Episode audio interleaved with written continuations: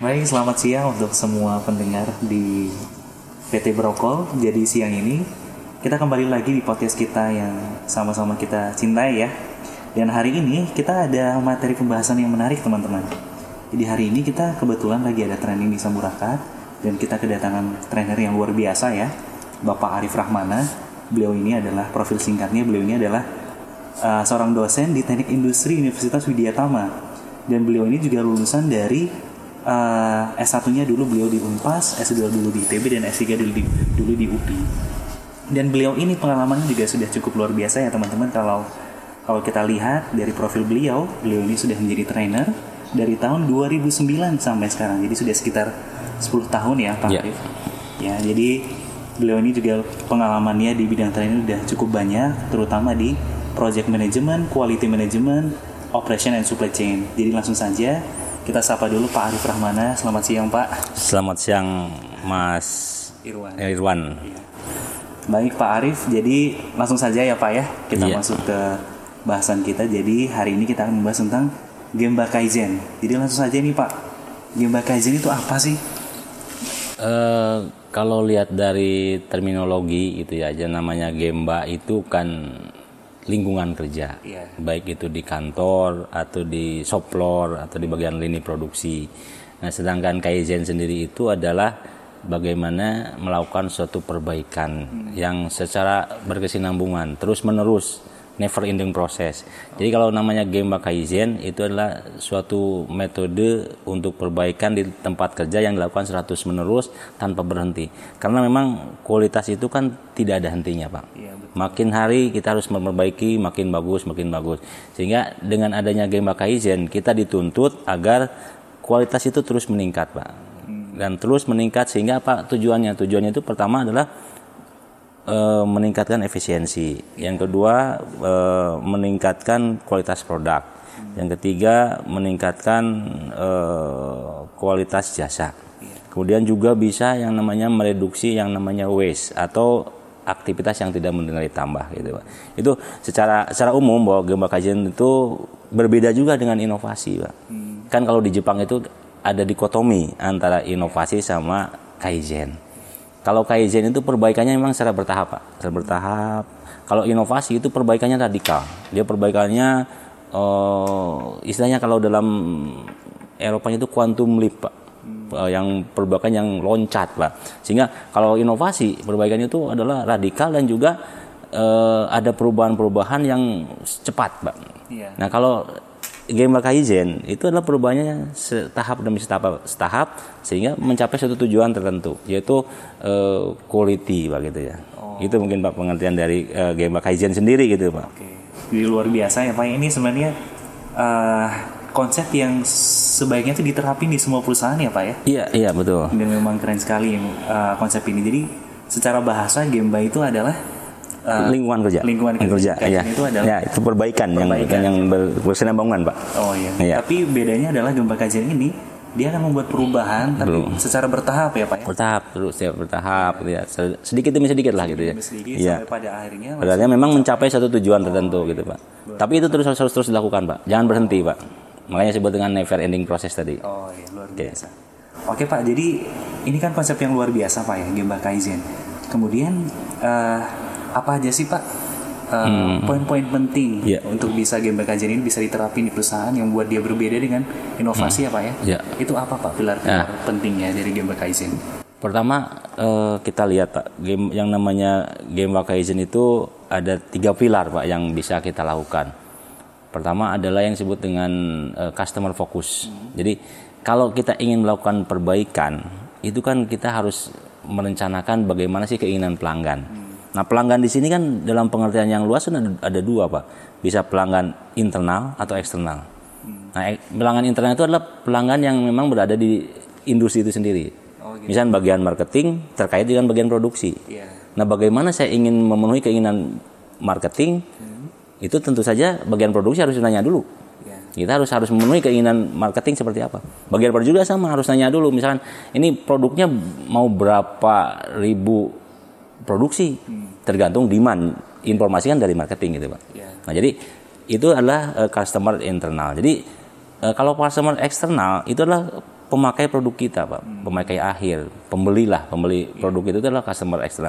Nah, di sini kalau ingin kan eh, kaizen jalan, pertama kita harus membiasakan bahwa kita harus berorientasi pada customer. Fokus pada customer, Pak. Yang kedua, kalau ingin fokus pada customer, pilar yang kedua itu adalah quality improvement. Ya saya kita bisa continuous improve atau fokus pada customer kalau ada quality improvement. Bagaimana eh, kita bisa menjalankan customer fokus kalau quality improvementnya tidak ada, Pak? Karena apa? Karena keinginan konsumen kan setiap hari, setiap minggu, bahkan mungkin setiap detik berubah, Pak. Kita harus siap, harus adaptif terhadap perubahan itu. Sehingga di sini perlulah dilakukan yang namanya perbaikan kualitas. Nah, kualitas itu kan tidak hanya produk, Pak. Ya ada kualitas produk, kualitas jasa, kualitas orang, kualitas proses, kualitas lingkungan yang harus ditingkatkan. Nah, jadi di sini kalau ingin menjalankan bahwa saya adalah fokus pada customer, otomatis nih quality produk, jasa, proses, orang dan lingkungan itu harus ditingkatkan, Pak. Namanya quality improvement. Nah, quality improvement akan jalan kalau ada keterlibatan sama orang, Pak. Tugas kuali, tugas peningkatan kualitas kan bukan hanya bagian quality assurance misalkan ya, atau bu- bukan hanya bagian produksi saja, tapi bagian semua lini, Pak Iya. ya tanggung jawab semua bersama jadi istilahnya ada istilah eh, bahwa quality itu adalah responsible for all people pak total improvement keterlibatan semua orang. Mungkin dari top pimpinan sampai pimpinan bawah itu harus mengerti. Nah sehingga ke keterkaitan tiga hal ini customer fokus akan jalan ketika quality improvement jalan. Quality improvement jalan ketika keterlibatan semua orang juga eh, jalan gitu pak. Nah tiga ini kalau salah satu tidak jalan itu nggak mungkin itu uh, Gemba Kaizen bisa dijalankan itu pak. Ya pak. Luar biasa Pak. Jadi uh, untuk bisa game kajian ini jalan, pertama kita fokus ke customer. customer ya. Karena memang sekarang kebanyakan kita fokus ke kita pengen apa sih, Hmm. tapi kita tidak melihat customer itu sebenarnya maunya seperti apa gitu. Hmm, Karena yang iya. kita buat itu berbeda dengan keinginan customer ya. Pak. Hmm, Jadi itu juga salah satu fokus dari Gemma Kaizen. Kemudian kita tingkatkan, tingkatkan kualitas dan keterlibatan Dan- semua orang. semua orang pak. Ya betul. Oke, luar biasa Pak. Kemudian selanjutnya Pak, kita kan sudah tahu apa itu Gemba Kaizen, manfaatnya. Kemudian pilar-pilarnya kita juga sudah tahu Pak dari Pak Arif. Lalu gimana Pak cara buat melaksanakannya? Apa sih tahapan dari nol sampai kita bisa mencapai tujuan yang baik dari Gemba Kaizen ini Pak? Oke pak. Yang pertama itu adalah kita harus membuat komitmen dulu pak. Artinya komitmen itu komitmen bersama. Karena eh, ini dibutuhkan apa namanya komitmen dari pimpinan puncak. Kalau pimpinan puncaknya sudah komitmen, ya insya Allah lah pak. Insya Allah kepimpinan ke bawahnya juga akan mengikuti pak. Jadi di sini kuncinya adalah pertama kita harus membuat komitmen dulu. Setelah buat, buat komitmen, kita harus sosialisasi pak. Sosialisasi betapa pentingnya Gemba Kaizen. Ya. Nah, yang ketiga setelah sosialisasi itu kemudian baru ke tahap implementasi, Pak. Ya. Sosialisasi itu termasuk ke dalam training dan sebagainya. Nah, baru ke implementasi, Pak. Nah, setelah implementasi itu baru ke dalam eh, evaluasi, Pak. Kenapa harus dievaluasi? Ya karena kan kita harus tahu, Pak, apakah yang direncanakan dengan yang dilaksanakan sama atau tidak. Makanya di sini eh, untuk tahapan implementasi itu eh, menggunakan konsep PDCA cycle, planning, doing, check, action, pak. Nah, jadi planning itu termasuk ke dalam tadi, pak, ke dalam bagaimana membuat komitmen. Nah, kalau planning eh, doing itu berkaitan dengan bagaimana implementasi. Ya, kalau action ini cek dulu sorry, sorry, cek itu adalah berkaitan dengan evaluasi pak Iya. tingkat keberhasilannya nah kalau yang terakhir ada action action itu berkaitan dengan bagaimana agar semua prosedur tadi itu dibuat standarisasi pak dengan bikin SOP dan sebagainya. Nah sehingga siklus ini membuat kita eh, tahu bahwa oh inilah keberhasilan game Poison itu tahapannya ini gitu pak ya mulai dari tadi planning eh, doing PDCA istilahnya ya. Iya. plan do check action lah gitu pak gitu pak mungkin itu apanya Oke Pak. Oke Pak, jadi kita sudah tahu tuh tadi gimana cara nerapinnya dari awal sampai akhir sampai akhirnya kita buat standar agar dia benar-benar menjadi sesuatu yang bakal iya. dilakukan ya Pak. Yuk. Kemudian kan uh, semua konsep, semua program itu kan pasti ada penghambat dan pendorongnya. Pak. Hmm, hmm. Kira-kira kalau dari Gemba Kaizen ini apa Pak kira-kira yang bisa mendukung dan Oke. yang bisa menghambatnya? Kalau daya dukung, Mbak ya. Kalau daya dukung itu pertama eh, kalau dilihat di Bro itu ini sangat potensial ya, sangat potensial untuk melakukan apa namanya continuous improvement atau gemba kaizen.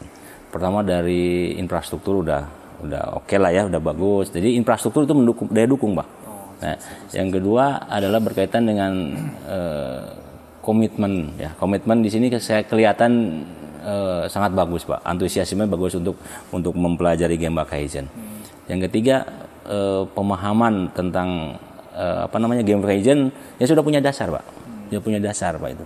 Itu yang terpenting, Pak, bahwa ini udah ada udah ada komitmen, udah ada pengetahuan, udah ada kemauan, Pak. Nah, kalau kalau hambatannya, Pak, memang hambatan itu terletak di pada eh, budaya kita, Pak. Budaya budaya kita itu kadang budaya yang eh, nggak peduli, Pak. Yang nggak peduli itu itu bisa menjadi bumerang karena tidak semua orang sadar, Pak. Karena ini eh, Gemma Kajian itu kan intinya adalah bahwa perlu kesadaran orang, Pak. Dipaksa-paksa juga nggak baik, Pak. Nah, kalau udah udah sadar, insya Allah Pak ini bisa jalan, Pak. Jadi penghambat itu di budaya budaya orang itu sendiri, Pak. Kebiasaan dia, bagaimana kebiasaan dia berbuat baik, berbuat buat yang sesuatu yang lebih baik itu memang menjadi kendala, Pak. Nah, bagaimana itu membuat orang itu menjadi terbiasa, Pak. Ada istilah gini, Pak. Allah bisa karena biasa, Allah biasa karena dipaksa, Pak. Nah, mungkin upaya pertama paksa dulu lah, Pak. Dipaksa dulu, setelah dipaksa baru dia bisa lah, biasa menurut biasa gitu, Pak. Jadi faktor peng- faktor penghambat itu faktor penghambat terbesar itu ada di aspek manusia menurut saya pak. Karena manusia ini memegang peran penting. Mungkin tidak semua orang sadar pak. Mungkin ada yang perlu dipaksa atau yang sudah biasa gitu pak. Itu pak. Oke, baik Pak Arif, terima kasih untuk insight-nya ya tentang ga- Gemba Kaizen ini. Jadi eh, cukup untuk sesi untuk sesi satunya tentang Gemba Kaizen. Kita cukup di sini. Nanti akan kita lanjutkan ke sesi yang kedua ya tentang 5S. Itu saja. Terima kasih. Selam, semangat pagi.